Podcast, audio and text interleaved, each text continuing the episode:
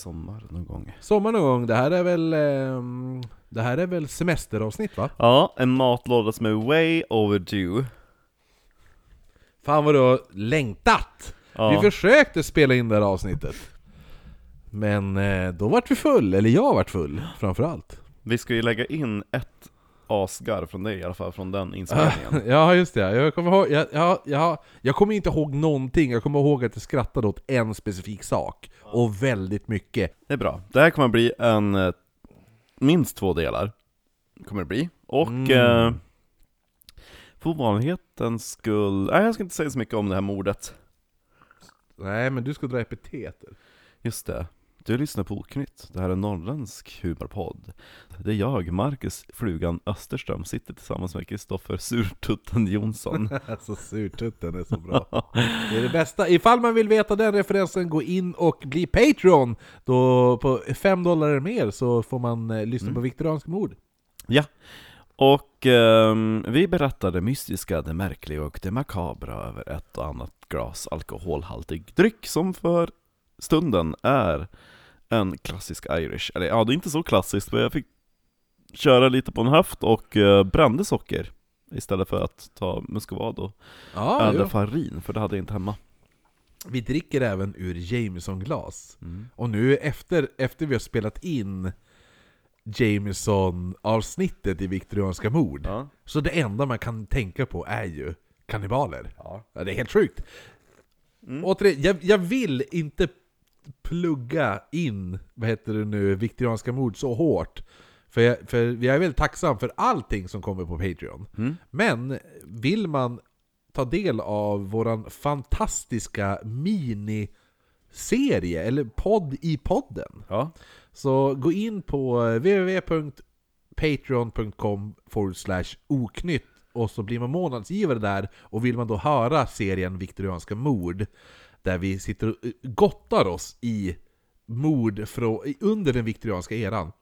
Då, eh, då, då blir man månadsgivare 5 dollar och uppåt. Men man, Nej, det är fem dollar. det är 5 dollar dollar. där för det. Men man kan ju vara, man kan vara må- månadsgivare för 3 dollar och vad som helst. Mm. Du väljer själv, men, men jag är jävligt stolt över viktorianska mord faktiskt. Ja, fantastiskt bra. Och eh, det här är som sagt en norrländsk humorpodd, så har du ingen humor, det vill säga tycker inte om att man kan skämta om vad som helst, eller är väldigt easily offended, ta och lyssna på någon annan podcast, för här kommer vi att kasta kängor och skit och göra narr utav allt till höger och vänster. Vi drar alla över en kam, så känn dig inte träffad.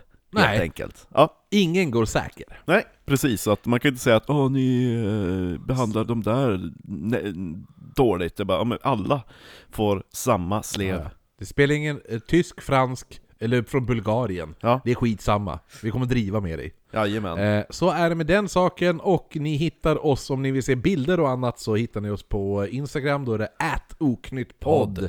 På eh, Facebook heter vi bara oknytt, och vill man mejla oss och skriva klagobrev så är det eh, oknyttpodd.gmail.com Men jag vill även uppmana alla, alla som lyssnar att, eh, eller alla som lyssnar och tycker om oss, eh, vill jag uppmana att gå in på alla ställen, eller där, på den appen ni lyssnar på. Lyssnar ni på iTunes, lyssnar ni på Spotify, lyssnar på vad som helst. På Spotify, följ oss på Spotify. På iTunes, rate oss fem stjärnor. Allt det hjälper den här podden att bli bättre. Och sprida den här underbara jävla podcast som gör att du inte tog livet av dig ikväll. Gud. Ja. Oj, oj. Ja, nu har vi betat av det här. Det var den disclaimern. Ja. Eh, och som sagt, det här försökte vi spela in i januari någon gång, för boken som jag har hämtat det här ifrån, det här fallet, köpte vi ju i eh, våran nonnorresa.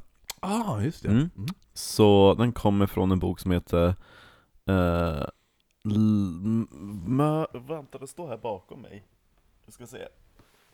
Mö. Nej men det var ganska lång tid Ja, det var den ja! Det var den de bara hade en av. Ja, Ja. ehm, den heter Dark City. Precis. Murder, Vice and Mayhem in Wartime London.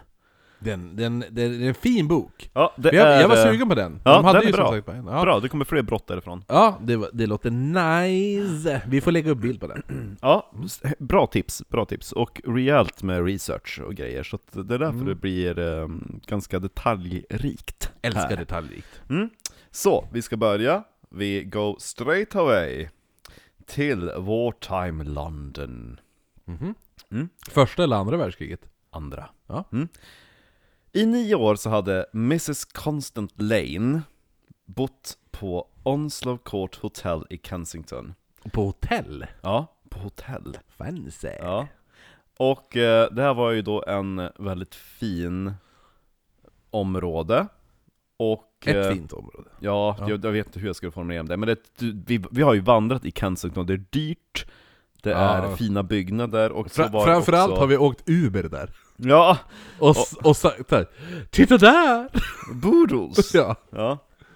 Nej men det är, eh, det är fint. Jo. och det tycker eh, Olive eh, Durand Deacon om. För, Det var väl även där hon som bodde på Pitt Street?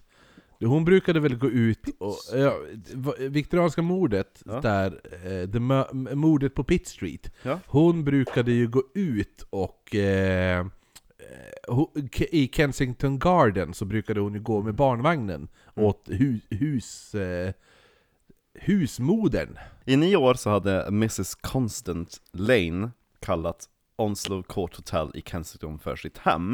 Det Oj. var ju då väldigt fina omgivningar, det är posh, det är dyrt, och Ja, det- allting passar då Mrs Lanes stil. Hon måste ha haft mycket pengar som bor på hotell. I nio år.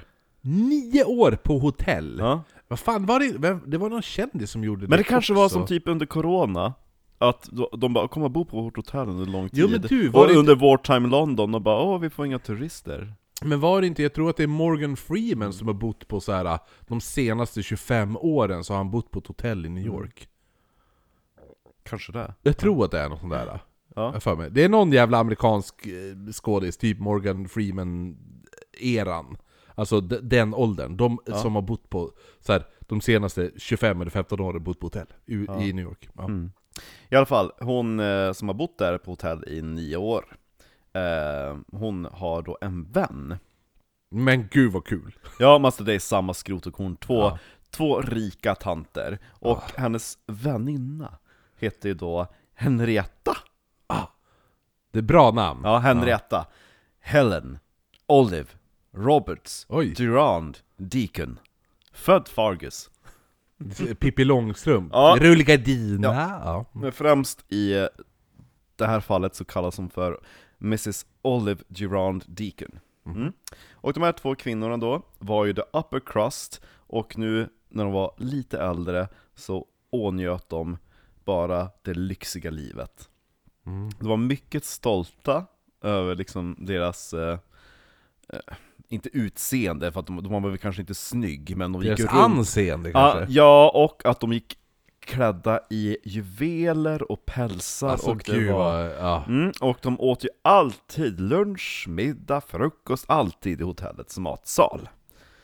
Och så var det även den här kvällen, fredagen, väldigt passande. Alltså det här är ju tanten vi hittar på, hon som äger Boodles. Boodles, ja. hon är en utav tanterna på ja, hotellet. Ja, ja. Boodles! Boodles! Ja, Shish! I think I can hear Boodles!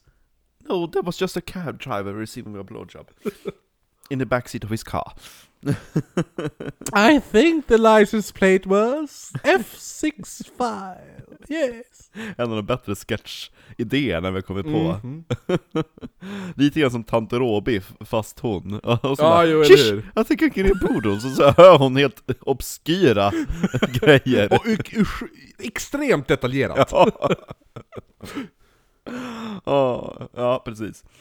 Eh, ja, den här fredagskvällen den 18 februari eh, 1949 Då satt då Mrs Lane och intog då sin middag, men hon upptäckte då att det vanliga bordet där Mrs Durand Deacon alltid satt, de hade ju liksom sina bord Mm. Stammisar, gud vad sur de skulle bli när de kommer in och tar det Och när jag kommer och ska äta russinbulle. Ja, ja.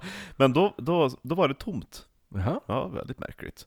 För eh, det här var ju då väldigt inrutade damer, och allting skedde på rutin, alltihopa. De intog sin middag vid samma klockslag varje dag. Ja, det var därför de var inrutade, för det var på ruttid. Mhm, rutin. Badabum, psh. Bra skämt från mig! Poäng! Score! Vid frukost nästa dag stod Olives bord återigen tomt. Och medan konsten smuttade på sitt morgonte så kom en Mr John Haig fram. Där var en annan gäst. Jonna? John Haig. Jaha, jag tyckte John Jonna Haig. Haig. Nej, Okej, John Haig. John Haig. Det var också en, en gäst som var liksom långtidsboende på hotellet. Mm. Och de Det var det enda de hade på hotellet. Det alla sa att de bodde på hotell, egentligen var det bara ett hyreshus. Ja! Med restaurang och bar och städerskor. Ja. Ja, lyxigt. Mm. Jag också bott där. Bostaden, take note. Exakt.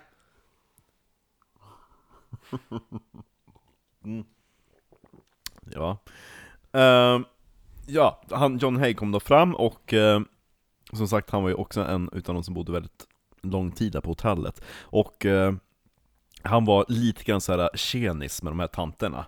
Mm. Han var typ ganska stilig, Tjenis med sin penis. och eh, ja men de tyckte det var lite kul att han typ um, pratade eller hälsade på dem lite grann. Ja, jo. För att han var, För att de, var, de, de hade börjat bli gammal och de en, var typ en, en man 60s. gav ja. dem lite uppmärksamhet. Ja.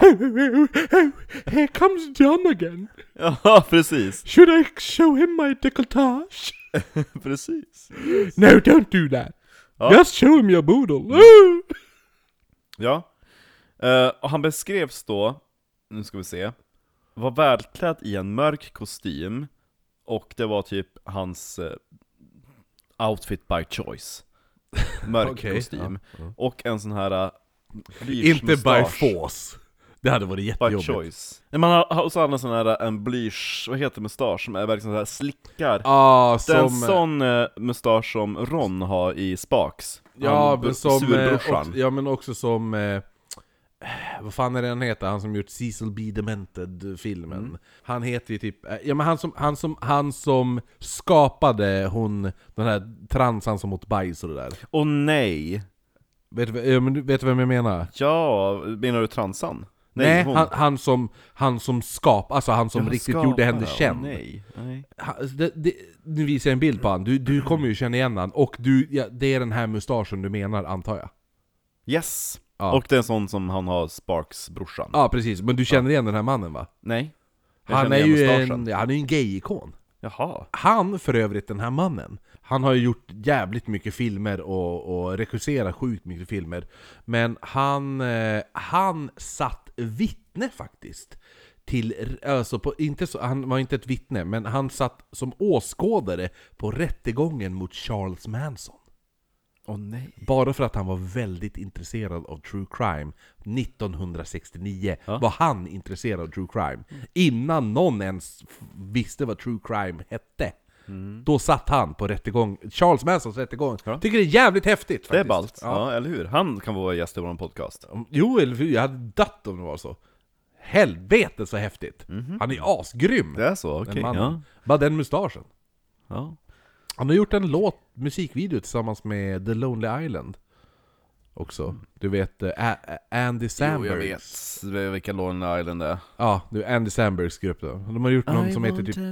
Ja precis, de har gjort någon som heter typ eh, Cre- Creeper, då är han med i den. Eh, de gjorde någon Pirates of Caribbean-låt också med, vad heter han? Eh, Ja, han... han eh, amerika Yeah. amerikanska... Michael Bolton. Michael Bolton ja. Ja. Amerikanska Tommy Nilsson brukar jag kalla honom. Yeah. Ja. Det är ju Lite det. Det är ju amerikanska... bomullstussar i, ja. Det är ju amerikanska Tommy ja. Nilsson. Jo, så är det, absolut.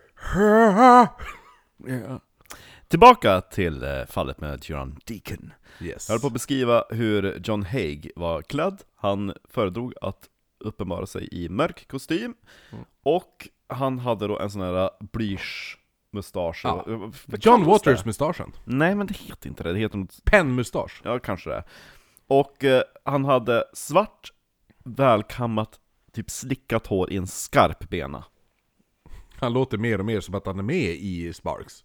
Ja, eller hur? Ja.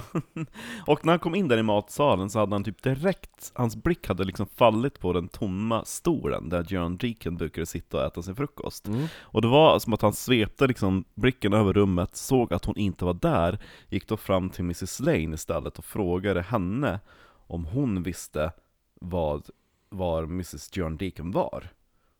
Och han frågade liksom, är hon sjuk? Och konsten sa att nej, jag har inte sett henne. Och eh, senast, senast hon hade faktiskt sett henne, det var föregående eftermiddag. Då hade de kort pratat med varandra, och, eh, och Geron Deacon hade sagt att han, John Haig, var väldigt angelägen om att visa henne sin verkstad. Oj vad i kuk, Crawley. kukigt det lät. Ja. Ja. Ja. Och eh, nu blev hon ju ganska förvånad när John Hay kom fram och frågade men har du sett henne? Mm. Och hon bara men jag trodde att du skulle ta med henne till den där verkstaden. Du menar min kuk? Ja, som jag Eller hur, hon skulle få service. Ja, som jag förstod Rullsmörjning! Ja, som jag förstod så skulle du ta med henne till din fabrik, sa hon. Jaha. Och eh, John Haig sa, jo, men eh, när jag skulle dra så var inte hon klar. Eller, ja, hon skulle åka till, eh, det var en eh, Army and Navy shop. Och Mm. eh, då skulle typ eh, vi mötas upp där. Och jag skulle käka lunch här på hotellet först, och när jag väl kom dit för att hämta Olive så var inte hon där. Okej. Och då var klock, klockan strax före två på eftermiddagen. Ja. Och han hade väntat där vid den där affären i mer än en timme, men eh, Mrs Geron Deacon kom aldrig dit. Eller kom aldrig fram. Nej. Så han antog då att hon måste ha ändrat sig. Ja, men Ja. hitta på något annat. Ja, precis. Med ändrade planer. Ja. Hon fick ett annat knull. Jag hittade en annan verkstad. Mm. Ja, så eh, Mrs Lane sa att Nej, men, nu måste vi göra någonting åt det här. Mm. Så att hon, eh, efter hon hade ätit upp sin frukost, så gick hon till hotellets städerska. Okej. Ja. Ja. Och eh, frågade liksom, har du varit och kollat hennes rum? Mm. Har, har någon sovit där? Och eh, städerskan sa att hennes säng var orörd. Mhm. Mm. Så, Borta match, borta match. borta okej. match, ja precis ja. Så att Constance blev ännu mer orolig, för som sagt, det här var ju väldigt rutinmässiga damer. Ja. Men hon övertygade sig själv ändå om att det måste finnas en naturlig förklaring. ja. Mm. Hon skulle sannolikt, när middagen kom, Borta match känns ju som en naturlig förklaring annars. Ja, jo, Ja. Nej, men hon, hon tänker att nej, men jag väntar, när, när det blir middag, då kommer hon vara där. Ja, jo. Ja. Och eh, när det blir middag, så var fortfarande bordet tomt. Det hade, får jag bara säga, det hade varit väldigt roligt bara Jag måste hitta en naturlig förklaring på det här Men kan hon inte bara ha sovit hos en annan man? Nej, hon är för ful för det Ja, Det är en onaturlig Ja. förklaring du, du Ja. påstår Jag måste hitta en naturlig förklaring ja det, är, det är en sån grej, du har fortfarande inte sett Vicious.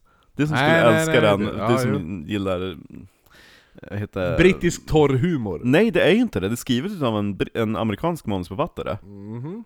Och det är bara värt för att se Ian McKellen säga 'Bitch ja, ja, ja, please' jo precis Och så, det är, någon, det är något avsnitt han tror att han, eh, eh, hans man i serien är otrogen. Ja, Och så bara 'Just one thing I don't understand' And what is that? Who the hell would want to shag Stewart? ja, ja. Ja. Men det, det, det, det känns som att det kanske varför jag inte har sett den är för att det känns som att det är en serie där det är väldigt uppenbara skämt Mm-mm. Är det inte det? Nej men det är så bra, och så att det är så otroliga skådespelerskor Mm. och skådespelare.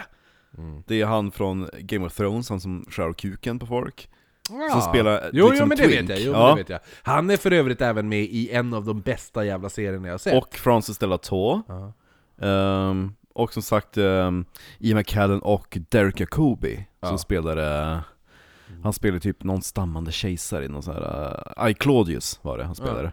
Ehm, men det är, det är jättebra, en till bra replik är ju när, eh, när Francis Delator säger Oh I'm so terrified I'm going to be raped Och så säger Ian McKellen For Christ's sake Violet, nobody wants to rape you Och hon säger Oh what a terrible thing to say Det är så bra! ja, det är bra, men samtidigt, det där är ändå lite Ja, men det är mysigt. Ja, ja, ja. Det är bara pensionärer som går runt och bitchar. Nej men han, eh, Mr Cut the Dick Off, Ja. han är med i en extremt jävla bra serie som heter Misfits. Ja. Om du har sett en brittisk serie, där det är typ, eh, eh, så här, säg att 3% av eh, Storbritanniens befolkning får superkrafter. Och vissa superkrafter är helt värdelösa. Ja. Och vissa superkrafter är skitbra. Till exempel en person, hans superkraft är att han kan styra laktos. Laktos. Det är en jävla dålig superkraft. Ja. Men en person kanske får en, eh, att han blir odödlig, till exempel. Oh, Ja. Nej men så att eh, den serien är bland de bästa serier jag sett faktiskt. Skitbra. det är så? Okej. Roligt. Många, många av mina absoluta favoritserier är faktiskt brittiska. Otroligt. Det är det. Med tanke på att, med tanke på att mitt favorit eh, mitt, mitt favorithatfolk är britter, med tanke på att de döper saker till ställen, och så sen stavar de det på ett helt jävla Aha. annorlunda sätt! Norwich, porridge! Ja. Ja, nu Ja. kör vi vidare! Jajamän. Och eh, ja, det blev ju som sagt ingen uh, mm, Duran Deacon som dök upp där till middagsbordet, och då blev ju Constance ganska panikslagen. Men Ja. hon, hon, vänt, hon gjorde fortfarande ingenting. Det var inte förrän nästa dag, söndagen den 20 februari, som hon kom till att agera. För då när hon kom ner till frukosten, så började hon liksom överväga, nu kanske det är dags att ringa polisen eller inte. Då kom han, eh, John Haig, in i matsalen igen, gick fram till hennes bord och frågade eh, är det någonting, eh, något, något nytt om John Deacon? Ja. Och eh, hon sa att nej, jag har ingenting nytt, och jag har bestämt mig för att åka ner till Chelsea Police Station nu efter lunch, för att ta, ta upp saken med dem. Och eh, Haig bara nickade och eh, gick därifrån. Och efter då att Constance hade ätit upp sin frukost så Började hon- Fru jag trodde du skulle säga. Nej. Ja, nej fortsätt. Hon ja. började liksom då gå igenom, för hon var väl lite så nervös, ska man ta det till polisen? Hon började gå igenom vad finns, vad det för möjligheter? För hon, Olive Duran Deacon, var 69 år, och inte känd för att ränna runt i stan, och hon hade inte heller haft några manliga friare. Nej, det, nej. Men, nej, men det hade varit jävligt absurt Ja. ifall, ifall en 69-årig tant på den här tiden 69 var känd för att ränna runt i stan och ha massa manliga friare.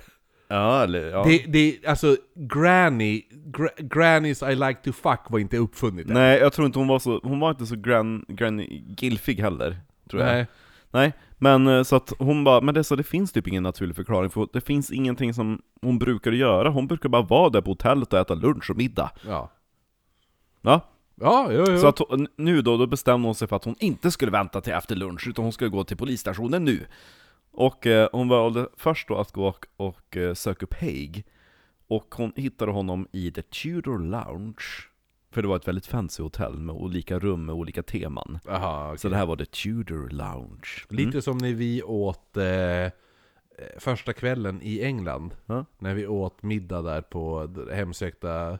Ja, det, det, vi, vi, vi satt i um, The Library. Ja, det vi satt i library. The library. Och då hade de The Tudor Lounge säkert. Och, och, nej, men så hade de ju också The Theatre. Ja, precis. Ja. Ja. Det var lite så då. Ja, ja, men jag tror att de hade delat upp det, det var lite grann som en Titanic, hade ju olika Deras reception room representerade olika stilperioder i brittisk historia. Ah, okej. Okay, Så jag tänker att det var, var något sånt Något också. sånt. Ja, Mm. ja. Mm. Så han satt där och läste en tidning i alla fall, och hon gick då fram och deklarerade att jag ska gå till polisen nu, jag tänker inte vänta till efter lunch. But are you sure? Maybe she started a thing called grannies I like to fuck. Eller hur? Gilf, have you heard about Gilf? Have you heard about GILF? That's the new thing about the grannies all that. Ah. Ah. Nej, han vecklade bara ihop tidningen, la den åt sidan och sa att jag kör dig dit. Mm. Så att eh, bägge två begav sig då till Chelsea Police Station och rapporterade att Olive Durand Deacon, eller Henrietta, så Ja. hela den där äh, ramsan. Mm, och, eh, Kryssmunta, rullgardina. och det var faktiskt en kvinnlig polissergeant som han rapporterade till. Alexandra Laborn. Det kan ju inte funnits många på den tiden. Nej, eller hur? Ja. Och hon började då in, utreda eh, följande dag, måndag 21 januari. Och hon åkte då direkt till Onslow Court Hotel. Och eh, hon frågade ju då, om det var typ hotellchefen, vad det var, vilka gäster och anställda eh, Are there a lot of gilfs here? Do you know about the gilf Nej men hon thing? började typ fråga ut både gäster och anställda om den försvunna kvinnan Och fick reda på att hon var änka Och hade det väldigt bra ekonomiskt Hence she can live on a hotel for nine years Oh, she's got an Onlyfans you say? Ja. Okay. Hon hade under de senaste sex åren bott på rum 115 Och hotellledningen berättade att när helst hon skulle åka bort under längre perioder så sa hon alltid till var hon skulle Mm. Och de där resorna var ganska stora glapp emellan Ja. Hon var enligt För- hotellchefen Vänta, får jag bara säga? Ja. Det är någonting med såna här... Tanter Nej, men just det här... Folk som bor lång tid på hotell. Mm. Som är väldigt... Jag vet inte...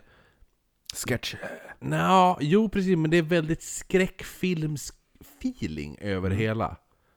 Typ om man tänker typ så här Rosemary's Baby och allt det där. Inte- Det är inte ett hotell de bor på, men, men i alla fall. Men det är just den feelingen man får. Likadant med eh, Ghostbusters.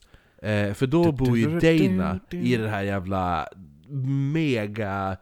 Eh, hyr, alltså, alltså de bor ju typ i The Empire State, inte de bor ju i Empire State Building, men ett typ liknande hus som inte existerar på riktigt. Men det är väldigt så här. Det är någonting med att bo i, i så stora hotell gör det väldigt, väldigt skräckfilmigt på något sätt. Jo det här hade varit perfekt till att göra en eh, film om, tänker jag Ja. Mm. Jag tror det kanske blivit, det är ett ganska förkänt fall det här Mm. Eh, Men i alla fall, hotellchefen Alicia, en till kvinna, Mm. Alicia Robbie, sa att eh, Mrs John Deacon är en kvinna med mycket starka vanor. Ja, och hon Alexandra Lamborn, alkoholvanor. ja, hon börjar i alla fall rikta sina misstankar mot han John Haig, därför att han verkar ha varit den senaste personen som hade sett John Deacon. Mm. Och från den första början så kändes det ganska sketchy med honom, för han hade ju skjutsat då Mrs Lane till polisstationen, och eh, han hade förefallit väldigt inställsam. Han verkade vara nästan lite för ivrig för att hjälpa till. Jaha. Och medan då Mrs Lane var nervös och uppenbart väldigt bekymrad för sin vän, så betedde han sig ganska avslappnat och avspänt Mm. Mm. Mm. och knappt bara liksom orolig för henne. Men lite ambivalent. Ja men han var bara 'I'm eager to help' Men han visade liksom inga känslor. Nej. Att han var orolig för hennes Ja. välmående. Han Ja, var bara så- liksom bara mildly interested, om man ska säga. Ambivalent. Ja, okej. Ja. Eller? Jag vet inte. Ja. Ja. Och eftersom... Ja men lite med. mm, med Ja. Ja, jo, jag vet inte. Men då mm, eh, valde ju då eh, hon, eh, polissergeanten, att, att eh, leda upp på det här eh, fallet och eh, frågade då personalen om den här mannen som bodde i rum 404. Okej. Och hotellchefen eh, berättade ju då att Haig hade bott på hotellet de senaste fem åren. Återigen ganska länge. Och Ja, ja, ja. Eh, vid frågan Alltså jag om... längtar ju tills vi har så mycket Patreon-pengar Ja. att vi kan bosätta oss i ett, eh, ett hotell i New York. Ja, eller Fatta. nej, London. Va? Nej, det är inte New York. Ja, vi har två olika hotellrum. Du bor i London, jag bor i New York och så tar vi Patreon-pengar och flyger emellan. Ja, Jättebra! pen- pendlar emellan ja. Den här veckan spelar vi in i London, den här veckan spelar vi in i New York. Ja, ja. Ja, så jo, att, eh, hjälp oss uppfylla denna dröm, gå in på Patreon. Ja, det är bara att fläska ur plånboken. Ja. Ja. Ehm, och eh, hon frågade då hotellchefen om han hade orsakat några problem. Och hon Alicia Robbie sa då att nyligen hade det varit problem faktiskt med den här veckovisa hyran. Mhm. För han hade varit efter med sin betalning. Oj. Och eh, vi bad, eller han bad oss vänta liksom flera veckor. Och efter ett tag så var vi tvungna att, att, att pressa honom. Och omkring den 3 februari så var han faktiskt skyldig oss 32 pund jämt. Och vi hade be, liksom upprepat tre, fyra gånger bett honom betala. Mm. Så de hade skickat huvudbokhållaren upp till rummet och sagt att eh, om det kommer pengarna nu så kommer vi att sparka ut dig från rummet. Ja, jo, Ja, du, får, du får lösa det nu i veckan. De, han fick några dagar på sig. Okej. Mm. Och den 18 februari, den dagen då konstens först lade märke till att Olivia Duran Deacon hade försvunnit, då hade också John Haig betalat sin räkning till fullo. Ja, jo, men det... Ja, ett plus ett. Ja, Ja. nu, vad, är, vad är det lika med? Ja. Ja, ja men det är mod. Ja, Mm. och eh, hon, eh, p- kvinnliga polissergeanten då, var väldigt intresserad och återvände till polisstationen för att delge sina resultat till avdelningsinspektören, eller ja, Chief Detective Inspector, antar Ja, jag det ja. Shelley U- utredaren. Ja, Ja. ja, och hon valde då, eller han, jag vet inte om det var Shelley, om det ja. ja. Den personen valde att köra Haigs namn genom Scotland Yards Criminal Records. Ja. Mm.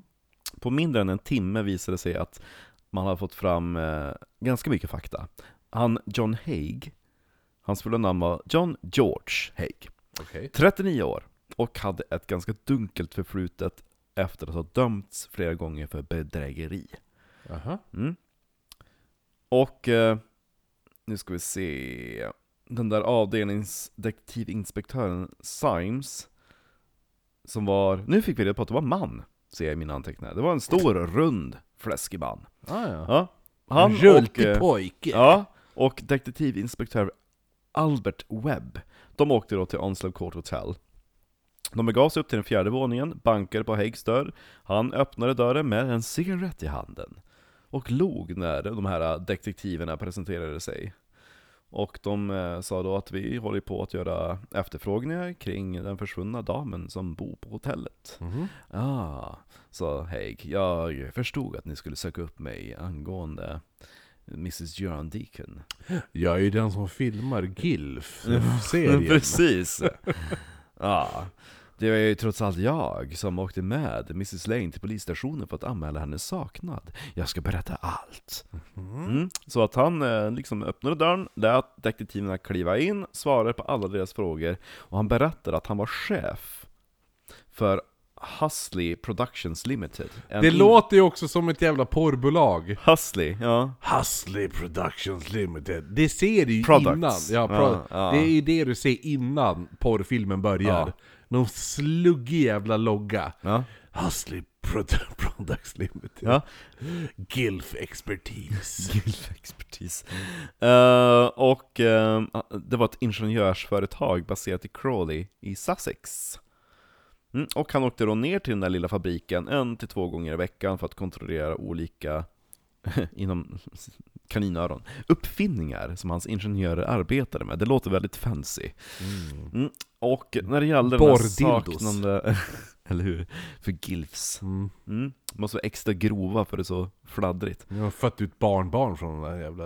Oj, oj, oj. Ja, när det gällde den här uh, saknade kvinnan eh, Så berättar han att, ja men alltså vi känner varandra inte jätteväl Men vi äter ju i, i samma matsal liksom och vi Vi har en ganska avslappnad vänskap, sa han Mm.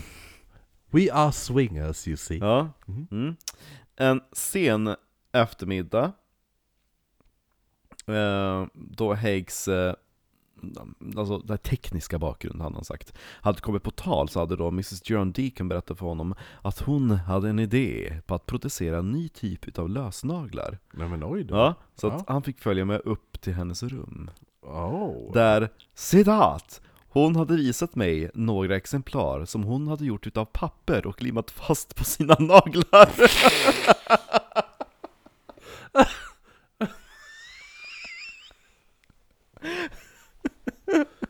Alltså visst är det här, det är här mitt riktiga skratt kom in va? Är, En tant på 69 år som har gjort lösnaglar av papper Och så limmat fast dem alltså det är den värsta synen jag kan tänka mig. Och så bäst av allt, alltså att han, hon bara mm, jag, vill visa, jag vill visa dig något Jag tänker också att hon gör den här. Do you want to see something? Well, show me what you got. Okay, that, Close your eyes now look. och så just det här, så här spirit fingers. ja, och så fladdrar det för bara papperslappar Ja, sitter där. fan! Ja. Ja, Alltså så jävla hemskt. ja. ja, det var bra. Ja, ja, ja. Det, Alltså men gud. Ja, jo fortsätt. ja, ja, fantastiskt. Mm. Och hon, hon frågade mig om jag kunde... I am trying to go into business, fingernail business you know. Ja, What do you think about this? det var precis typ det hon sa, och hon frågade han eftersom han höll på med ett sånt här production company Kan du producera någonting liknande som vi kan sälja? Han bara, utklippta papper. Ah, ja visst. Ja, vad gör man inte för att få lite fitta? What do you think about this? Would, do you think you can sell it? Two for a tenner I think Ja. Oj oj oj Åh, Så följande tisdag eller onsdag sa han, han visste inte exakt vilken dag Så hade han då sagt till Mrs John Riken att eh, Jo jag tror att jag kan göra något åt naglarna Men jag vill ha en avsugning först. Och föreslog att hon skulle följa med honom till fabriken i Crawley för att eh, För att han då skulle kunna visa vad eh, de var, vad de kunde göra Visa fabriksarbetarna. I have a lady here, she's going to show you her latest product. Show em! Okay, look at me. Do you like nails? Well, look at these nails. You would never know, they're made out of paper you know! Look at them, so light. Can you make something similar? No, I thought so! One of a kind! You're all fired. I will go make the production and cut out papers things and shit. Precis, det var typ pensionerad Emily Howard Ja. Oj oj Eh, Och eh, i slutändan av den här historien så skilde det sig inte mycket med det vittnesmål som han först hade lämnat på polisstationen då John Haig hade åkt med eh, Mrs Lane dit. Mm. Och han sa att han hade träffat Mrs John Deacon vid lunch fredagen den 18 februari och eh, det var ju då hon hade sagt att ja, men jag ska gå till den här butiken för att hämta eh, hon, hon skulle hämta befintliga lösnaglar på marknaden för att liksom ta med sig och visa att eh, det här är vad som finns tillgängligt just nu. Thank you. This is just an idea. Really, a rough, rough, rough idea. Their nails look real. My nails look like paper shit. Can you fix that? Thank you. Glued to nails. Ja. Jo, så att ehm, då sa hon att men möt mig 14.30 utanför Army and Navy Stores på Victoria Street. Mm. Mm, och då sa ju han att ja, men jag ska bara käka lunch, så plockar jag upp dig där, och eh, han sa också vad hon hade på sig då hon lämnar hotellet. Ja, ja, ja. Alltså, Okej, en- ja, en han, han berättade vad han, han kunde så här recollect. Ja, Ja, jo. Ja. Det var inte att han sa när hon gick.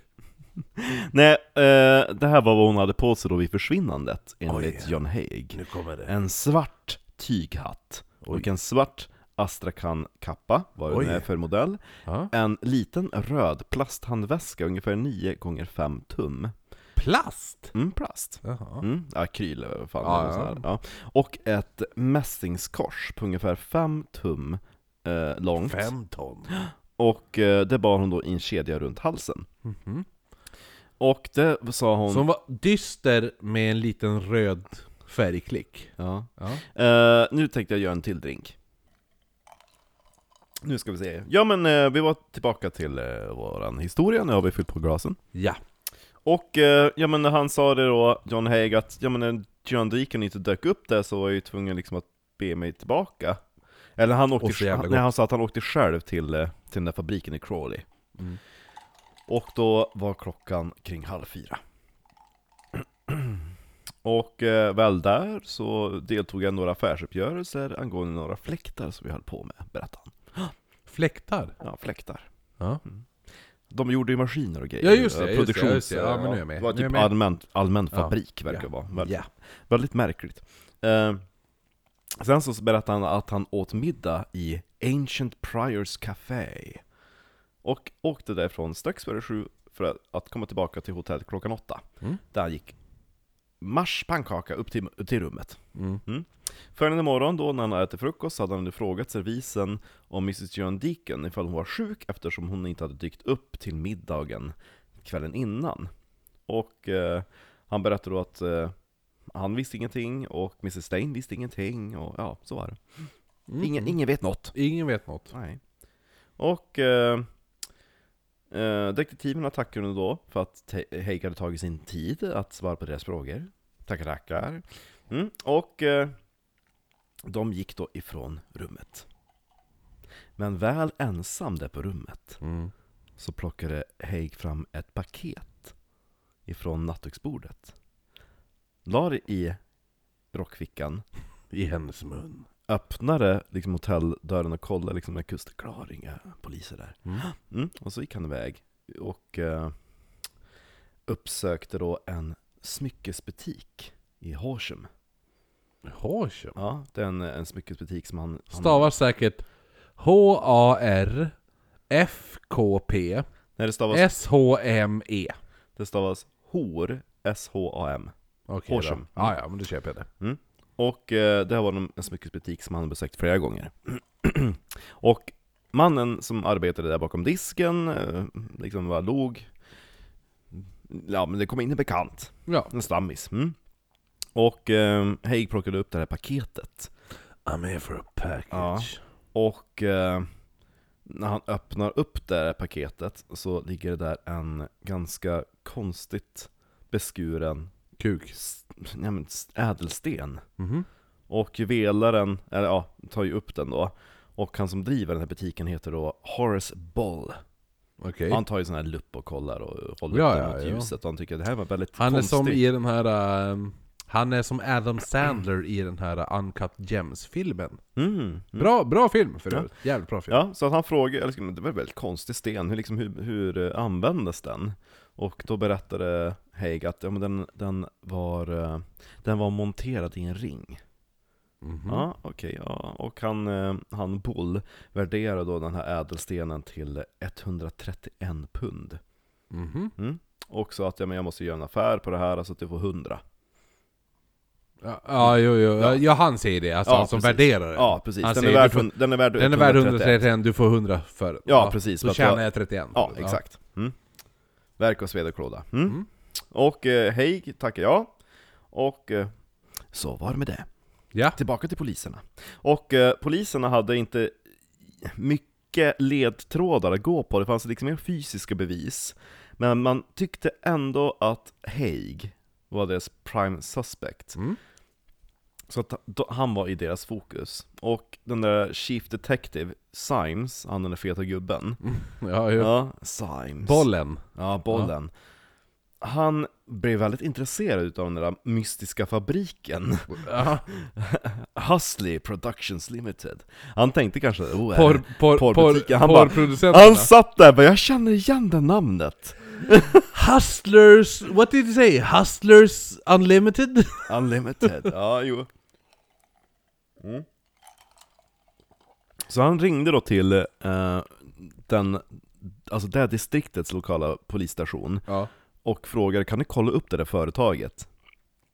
Och eh, slutligen då onsdagen den 23 februari så besökte då kriminalsergeanten Patrick Heslin den här adressen nummer 15 West Street i Crawley Mm. där eh, företaget stod eh, skrivet och pratade med en Mr. Edward Jones som legitimerade sig som företagets verkställande direktör. Åh, Mm. fancy! Very fancy. Och Jones berättade för Hazelin att företaget hade flyttat in till sina nuvarande lokaler två år tidigare. Innan dess så ockuperade företaget ett litet lager i Leopold Road. Leopold Road. Road, ja. Mm. Som fram tills nyligen användes för att lagra stål och andra material. Som Leopold and Loeb. Ja. Ja. Och, Fast nu var det eh, Leopold on Road. the road. Ja, Ja. och eh, när man frågade då Jones om han kände Haig så sa han jo, jo jag känner Haig. Och eh, han kontaktade mig 1947 och det var ju då i syfte för att han, han, han hade typ en, en idé till en maskin, en liten en automatisk typ nålgängare. Alltså, ja men typ, Aha. jag antar när man syr upp, man ska typ trä, trä, no, tråd på nål, antar jag. Okej, ja. Ja, petitessdetalj, men ja, ja. Och En Jones hade blivit faktiskt, ja, jo, men Jones hade faktiskt blivit entusiastisk över den här idén Mhm. och försökte göra produkten till verklighet. Deras ansträngningar misslyckades emellertid och hela det här äh, misslyckade företaget hade kostat Haig över 200 pund av sina egna pengar. Typ 20 000. Ja, Mm. ja. Och eh, han Jones sa ju då att han hade erbjudit Haig ett styrelseuppdrag i företaget eh, för pengarna som de hade lagt ner. Och eh, ja, Haig hade varit intresserad men sen så föll det typ mellan stolarna. Och eh, de senaste åren så har han ju varit associerad med företaget men han jobbar inte riktigt där. Han typ representerar oss i London för jag kan inte åka dit hela tiden sa Jones. Mm. Så att har vi något ärende där så får han sköta det. Så att det var inte alls typ det som, som Haig hade berättat, att han var chef där. Nej. Nej, utan han bara, ja men han typ Han kommer och går lite grann. Mm, mm. Ja, har jag typ några ärenden i London så kan han sköta det. Mm. Mm. Och dessutom, sa Jones, så besökte Haig nästan aldrig det här kontoret. Utan han använde det där lilla lagret på Leopold Road. Och eh, vid ett tillfälle så hade Jones frågat vad han gör där. Och eh, Spelar en gilf porrfilm. han sa att det var ett renoveringsprojekt. Okej. Ja. Och t- till slut så hade, alltså nycklarna till det där Leopold-förrådet hade förvarats på huvudkontoret där i West Street. Mm. Men Haig hade lagt beslag på dem permanent. Ja, ja Mm. okej ja. Och eh, det var typ här han, Jones också insåg bara, men alltså vad är orsaken till den här intervjun som vi håller på med? Har är Haig misstänkt för någonting? ja. Men eh, polisen kunde inte säga så mycket. Och... Eh, eh, Du vägrar berätta någonting. Gör bara det. Ja men alltså de, de kan inte säga så mycket naturligtvis, men eh, när polisen åkte därifrån, då valde de faktiskt att köra förbi det där lagret Aha. på... Eh, och det låg typ, det var typ, de berättade att det var inte mer typ än ett litet skjul, en tvåvåningsbyggnad i Giles Yard. Men här bor ju Mr Washburn. Ja, eller hur? Och det var en smutsig röd tegelstensbyggnad. Ja. Mm, omgivet av en sex fot högt staket. Och eh, det såg ut som att det inte hade använts på ett tag, så att liksom, ja... Eh, märkligt. De tänkte Mhm. vi, får, vi får kika vidare på det, för de var Ja, nyfikna på att ta reda på vad som fanns inuti skjulet. Ja, i alla fall han, eh, Jones, efter att Mm. polisen hade åkt, tyckte att det var lite olustigt, och eh, valde att eh, faktiskt konfrontera Haig. Ja. Så att han, eh, han beslöt sig för att eh, ja, jag måste ta det med honom och fråga liksom, har du något har någon dodgy verksamhet eller någonting så vill jag ha reda på det, för du ska inte få dra ner det här företaget. Faktum var att, att Haig hade dykt upp dagen innan, det här hade han nog inte berättat för polisen om jag minns rätt, och betalat tillbaka en skuld Mhm. som han hade haft till Jones. Eh, det var ett lån på 50 pund och Haig hade betalat tillbaka 36 utav de 50 punden. Mhm. Och eh, nu kom faktiskt Haig in knallandes för att betala tillbaka resten utav de där 50 punden.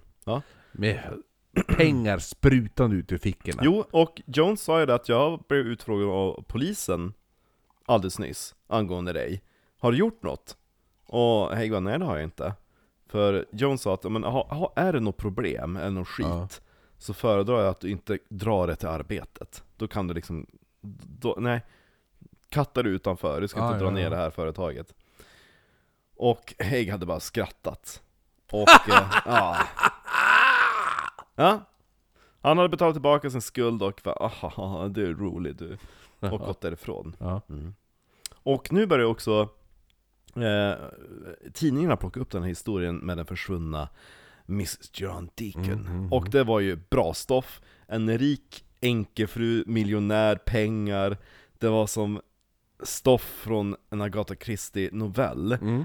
Och reportrarna svämmade till Onslow Court Hotel, Ja. och de höll till i, i lobbyn och i baren, och alla var ju väldigt angelägna om att få prata med den stilige herrn, Ja. som var den senaste som hade sett den försvunna Mrs Duran Deacon. Mm. Mm. Och han var ju väldigt tillmötesgående och svarade på alla frågor. Men när en reporter frågade om John Haigs kriminella förflutna, för de hade också kanske nystat det där, Mm, hade mm. hört om det där criminal records. Då sa han så här med ett flin. Låt oss hoppa över det där va. Vi pratar väl om Mrs Duran Deacon, inte sant? ja. Ja. Ja. Och eh, under eftermiddagen torsdagen den 24 februari, då återvände inspektör Symes tillsammans med Sergeant Webb, då är de två som hade Mm, mm. mm, fettisen och de som hade jo. som först hade intervjuat eh, Haig Klimp i och klump. Sitt, eh, ja, klimp och klump. De, de åkte det till, eh, tillbaka till hotellet för att förhöra Haig återigen. Och eh, de hade ju då hört från han Hazlin, då var det han som hade besökt fabriken. Och eh, då hade ju uppdagats att men, du har ju ljugit för du är inte alls liksom en chef på det där ingenjörsföretaget. Nej. Och eh, han ville liksom ha reda på vad fan är det du håller på att dra lögner för? Och som vid de tidigare mötena så var ju då Hägg väldigt tillmötesgående. När han öppnade dörren så verkade han inte förvånad eller upprörd att polisen stod där och knackade på. Utan han höll fast vid sin historia som han berättat om första dagen och eh, hade svar på tal på allt. Och han Okej. sa ju liksom att ja, men jag, jag får ingen lön från Hustley Productions även om jag är chef, sa They han. keep on making these porno movies, Ja. but I don't get any Nej, han, han sa bara att jag Ja. köper och säljer maskiner Alltså och Hustley verktyg. Productions. Ja. Fortfarande, det, det, det, det, det är så jävla porrigt. Ja. Mm. Knulligt avsnitt. Mm. Och eh, han sa bara jag köper och säljer maskiner och verktyg för dem. Och han, då frågade ju han också, äh, polisen, då hade Jones nämnt det, för nu dyker det upp det, att han, hade, de, han frågade dem, men hur hade du fått kunna betala tillbaka hotellet och de här 50 punden till, Mm. till Jones?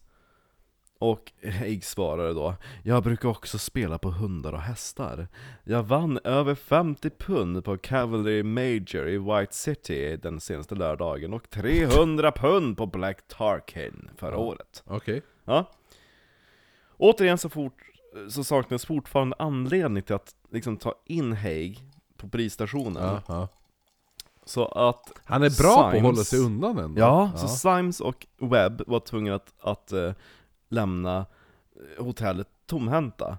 Och eh, nu ska vi tillbaka till Hazlin. Han hade ju då snackat med Edward Jones och tillsammans åkte de den 26 februari, eh, det var en lördag, till det där förrådet, lagerbyggnaden på Leopold Road.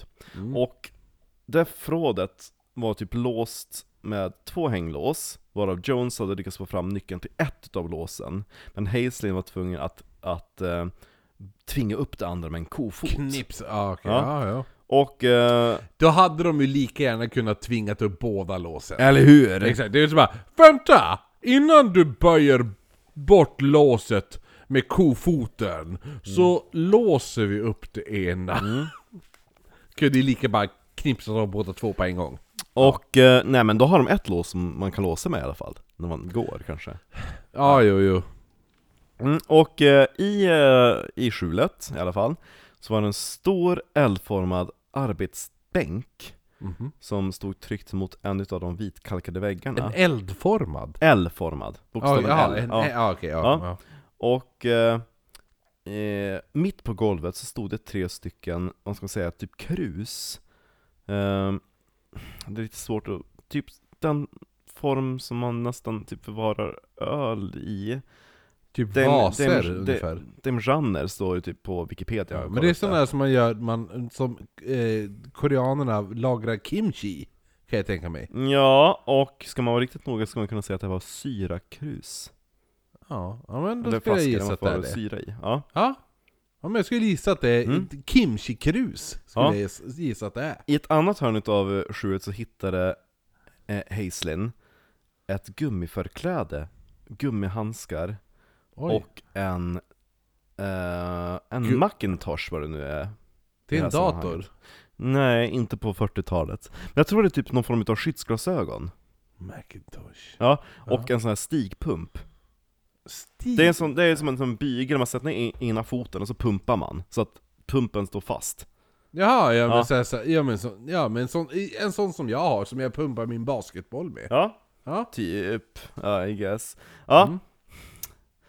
Eh, nej det kan inte vara ett skyddsglasögon för det hittar man också på en krok i Okej. väggen. Ja, vi så får, vi får kolla upp vad Macintosh är då. På 40-talet ja. Ja. Macintosh 40-tal.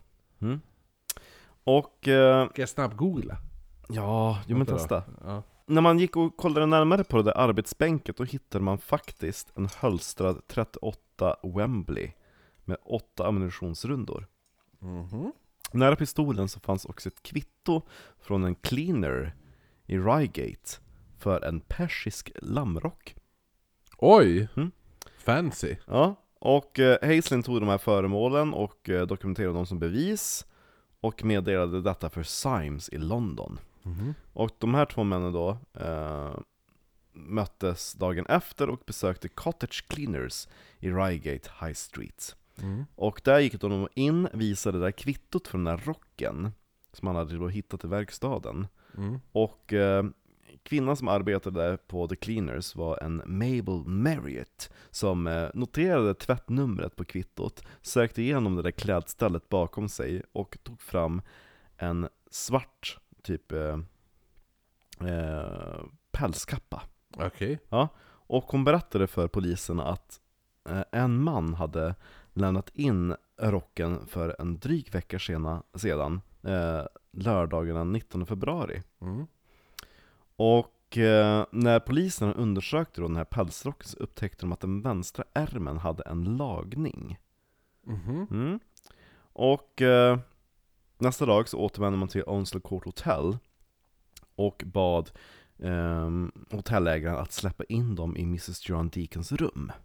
Okej. Ja. Och sängen där var ju bäddad, allting var i sin ordning. Och eh, nu hade man, alltså på, vapnen man hade hittat kunde man tydligen knyta till, eh, till, till eh, John Haig. Ja. Men man ville ha mer bevis som kunde knyta honom till eh, Mrs John Deacon. För man misstänkte då att han hade lämnat in den där rocken på The Dry Cleaners Mm. Eftersom han hade hittat kvittot för den i en lagerlokal han hade nycklarna till Ja. mm. Och när man sökte igenom eh, Mrs John Deacons rum så hittade man en påse Med... Eh, Sexleksaker. Nej, det Nej. var typ... Eh, men typ basically ett sykit Jaha. och där fanns det flera tyger, tygprover, tråd, och nål och alltihopa. Nej men för att Ja. göra små lagningar. Ja. Och när man tog prover från dem så upptäckte man att eh, det där var ju exakt samma tyger som var i lagningen på kappan som man hade hittat. Ah, Ja. okej, ja. Mm. Så att då kunde man knyta kappan att det här var Mrs John Deacons kappa som han hade lämnat in på Mm. The Dry Cleaners. Yes. Mm. Så att nu tyckte Symes att nu har vi vårt på det torra, Ja. nu tar vi och för in Haig på förhör. Time to get the motherfucking guy. Mm. Ja. Mm. Så poliserna körde då in framför eh, The Onslow Court Hotel klockan kvart över fyra. Då var han precis på väg till sin bil. Och, Jaha. eh, ja. Och han satt där redan så att liksom Webb skyndade fram och bankade på förardörren. Och Haig Vi är här för att arrestera dig. Nej, nej, nej. Jag har, ett, jag har en annan sak att hitta på så att... Eh... Nej han säger såhär, jag, jag, jag reser i lyx. Exakt. Mm. Nej, ni får ursäkta mig, jag reser i lyx. Men ha så kul inne på eh, rummet, hotellet. Ha Var så kul på restaurangen. Ja. Kanske låter gott. Nej men de, han eh, vevade ner typ rutan eller vad det var och eh, polisen sa att vi vill att du kommer ner till polisstationen Ja. för att träffa över, ja, intendenten, det är automatöversatt. ja, men polischefen Ja. typ. Ja. Ja, polischefen och eh, han Symes. Mm. Och eh, Haig hade alltså, helt lugnt skrivit ur fordonet och sagt ja men absolut, jag gör allt för att hjälpa er som ni vet. Mm. Följt med. Och eh, alla tyckte det var ytterst märkligt när han kom in där till polisstationen. Han var väldigt avslappnad. Jaha. Han, medan han liksom, de väntade på att eh, ta in honom på förhör, så satte han sig ner, tände cigarett, liksom, det var typ ett, basically typ ett väntrum. Han tog en tidning, ja, satt och Så jag läste gillar den. han ändå på något sätt. Ja, han Ja. hade stil. Satt där och läste, och um, Bara eftersom det chilla drog med en cigg i käften. Ja, Ja. det här drog ut på tiden lite grann för polisen höll på med någonting. Och eh, eftersom det drog ut så var det en, eh, ja men det var någon praktikant då, som frågade om, om han ville ha te. Så ja, han fick det, satt och drack den, och eh, slutligen då, så kom i alla fall Symes och eh, kallar in honom på förhör. Ja. Mm. Och eh, grejen var det att eftersom det hade blivit försenat, Mhm. det var därför att Symes hade själv fått en sista minuten ledtråd. Aha. För det visade sig att eh, när den här storyn blev upplockad ut- utav tidningen, då hade han den där juvelaren, Ja. Bull, hört om Mrs John Deacons försvinnande. Och i tidningen så fanns ju då en beskrivning utav vad hon hade på sig när hon försvann. Det som John Haig hade delgett. Mm.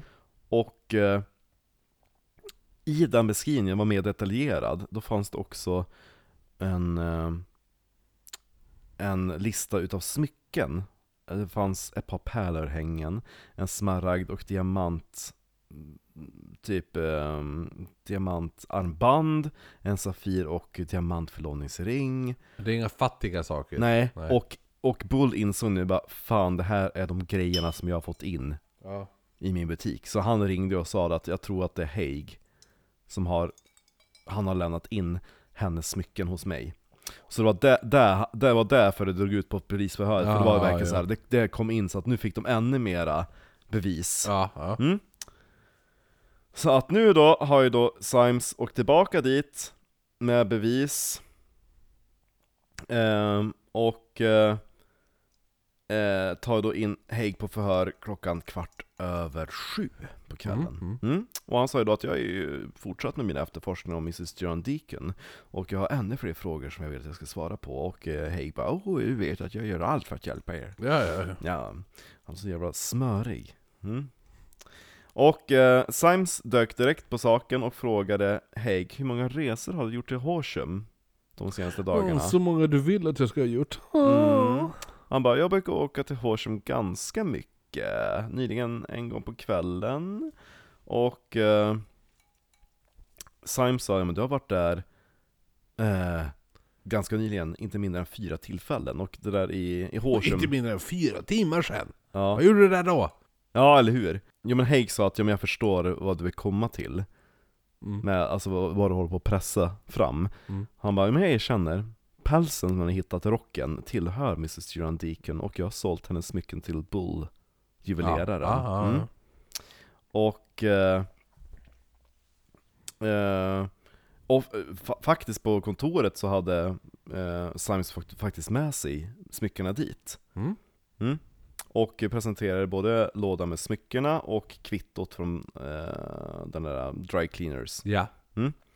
Och eh, han frågade då, men liksom den här, den här fastigheten och den där jävla lagerlokalen. Vad är det med den och vad, vars är Mrs Deacon? Vad har du gjort med henne? Ja, ja, Ja. Och eh, typ eh, John Haig han bara typ såhär Tog ett djupt andetag, tog fram en cigarett, tände den och sa Det här är en lång historia ja. Alltså vilken Ja. chef ändå på något Ja. sätt. Väldigt cheflig attityd. Ja, Det här så att han vet, han vet att nu jävlar. ja nu jävlar, Nu är det bara, ja, nu, det här är en lång Istället för att bara skydda sig själv och bara Nej men jag har ingen aning, jag har ingen aning, jag vet inte Ja men du har ju varit där och där och där Nej nej men ja men okej jag kanske var där eller vad som helst Utan det enda han gör, Mm. Ja. lutar sig tillbaka, tänder en cigg och så bara Ja. Håll i er grabbar, nu blir det åka av Ja Och eh, han sa att, eh, ja, om jag ska berätta sanningen så skulle ni inte tro mig För det är faktiskt för bra för att vara sant Ja, Ja jo och eh, Har ni talat om Pornhub? Ja, eller hur? Nej men de frågar typ igen bara, men alltså vad har hänt med henne? Uh, ja men de, de körde sitt vanliga polissnack, ja men everything can use against you, bla bla bla bla Och uh, han, Haig sa bara, jo men jag förstår allt detta, jag kommer Mm. att berätta allt om Mrs John Deacon Hon existerar inte länge, längre Mm. Hon har försvunnit helt, och inget spår utav henne kommer någonsin att finnas igen Oj! Ja Och polisen bara, vad fan har du gjort? Och Ja. han bara, jag har förstört henne med syra Ooh. Sa han Nasty. avslappnat Ja Och han sa bara, ja men ni kanske hittar slammet efter henne Om ni kollar där vid skjulet vid Leopold Road Ja Det är fan iskallt. Ja, och då säger han så här, och hur kan ni bevisa att det begått ett mord om det inte finns någon kropp? Så jävla cocky. Ja, Så jävla cocky. Ja. ja. och eh, de, de sitter där bara, va? Och eh, Haig säger, jo men det här är sant Och det är en väldigt Men det är lång... sant! Ja, det, men det är sant! Precis! Men det är sant! ja, ja. Ja, Intern humor där på den. ja. Uh, uh, uh, uh. Vi ska se hur långt vi har kvar innan vi kör vidare.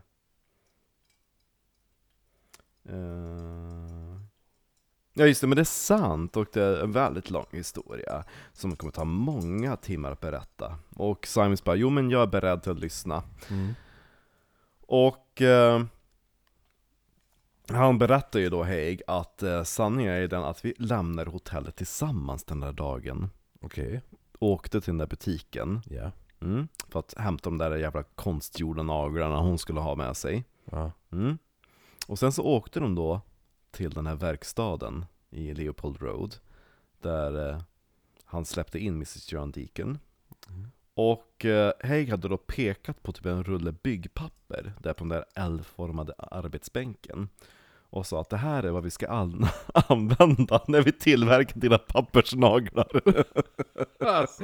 Ja ja. och då hade ju John Deacon gått fram dit för att ta sig närmare titt. Och då hade han gått fram till andra änden utav arbetsbänken, där revolvern hade legat, tagit fram den, och medan John Deacon kollade på pappret hade han skjutit henne i Oh. baksidan av huvudet. Ja. Ja. Och eh, eh, sen så gick han då ut i... Eh, han sa det, eh, han, han sa så här, citat! Jag sköt henne baksidan av huvudet. Sedan så gick jag ut i bilen och hämtade ett dricksglas, gjorde ett snitt. Jag tror med en kniv vid sidan av halsen.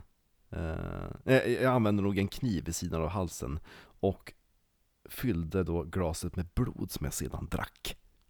Ja.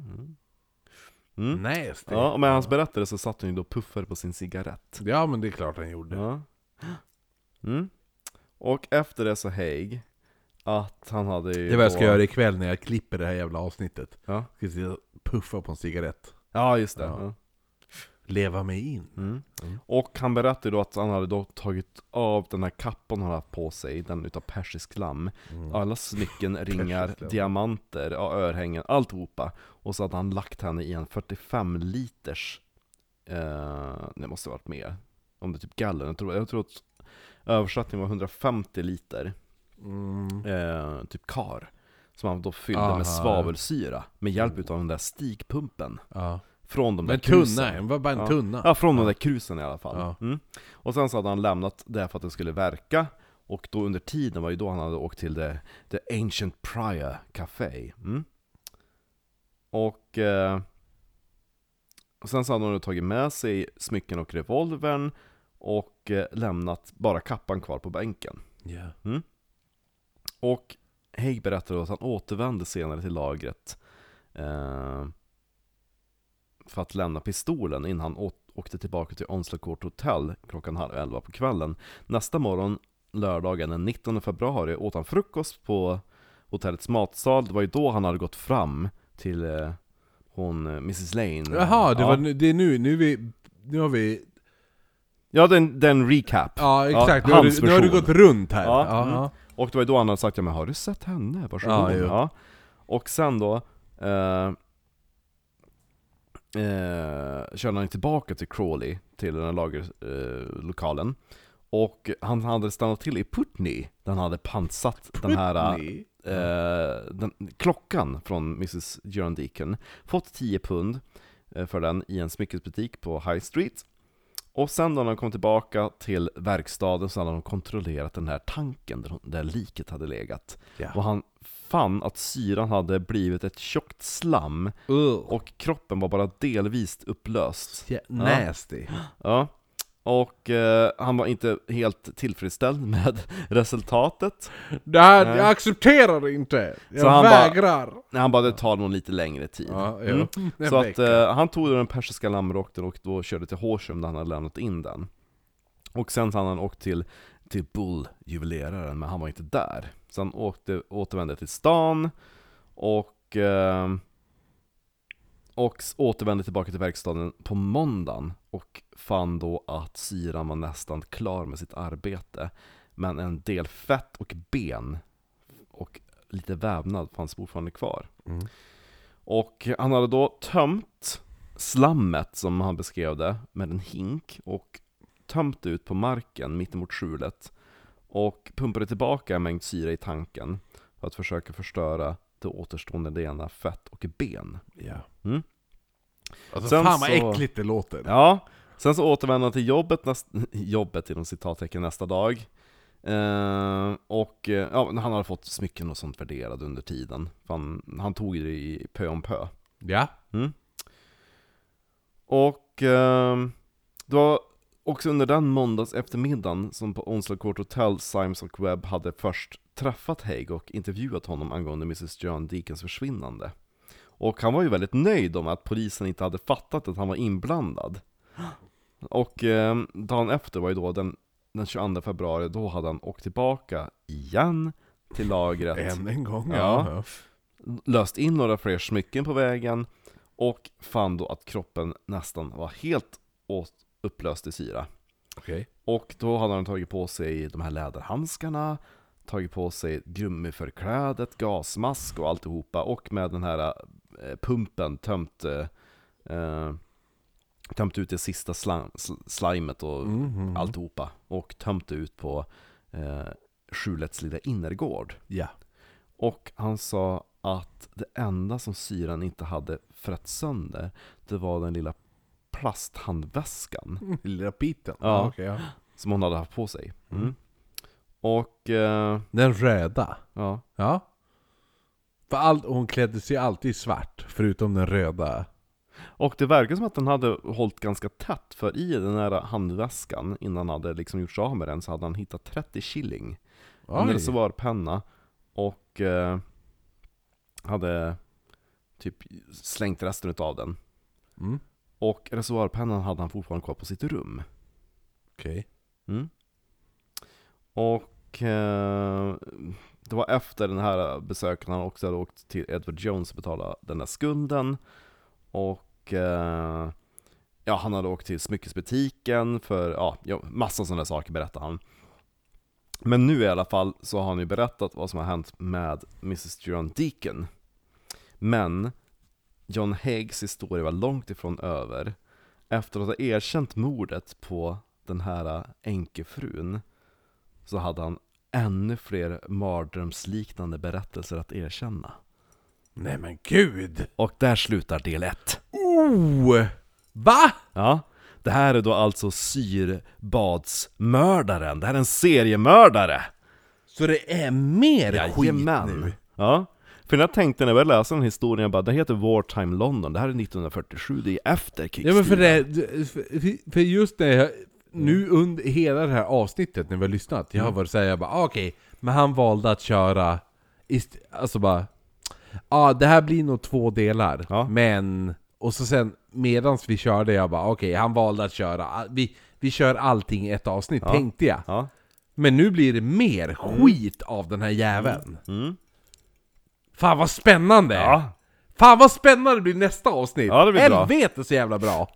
Ja, ja det är kul som fan. Mm. Han hade också, jag säga, att när han satt in, under intervju då frågade han eh, Vet ni om man blir inskriven på Broadmoor? Det tycker Mm. vi, vi har nämnt det ikväll Vi, ja precis när vi Broadmoor, körde eh, Victor Ja. ja, ja Han frågade, men kan man bli utsläppt då i efterhand? Mm. Så han började typ så överväga att, att ja, men jag kan ju alltid hävda att jag är sinnessjuk eller inte. Ja. Ja, ja men... Eh, ja, blir kung. ja, Men då kör vi... Då fortsätter vi nästa vecka då. ja. Fan vad kul! Det här är ju som sagt ett... Eh, vi spelar in det här i 9 maj. 9 maj spelar vi in den här jävla, det här jävla avsnittet! Så att, och det här avsnittet släpps ju nu under sommar, våran sommarsemester. Yeah. Gör det. Så, eh, ja. Vi, vi, vi kan ju inte tacka Patrons specifikt. Men, Vi säger tack till Patreons. verkligen, tack så himla mycket. Tack. Nu avslutar vi med en skål, Marcus. Hej då Marcus. Hej! Skål Marcus. Men skål Marcus, och hej då Marcus! Se då! Marcus. Hej då.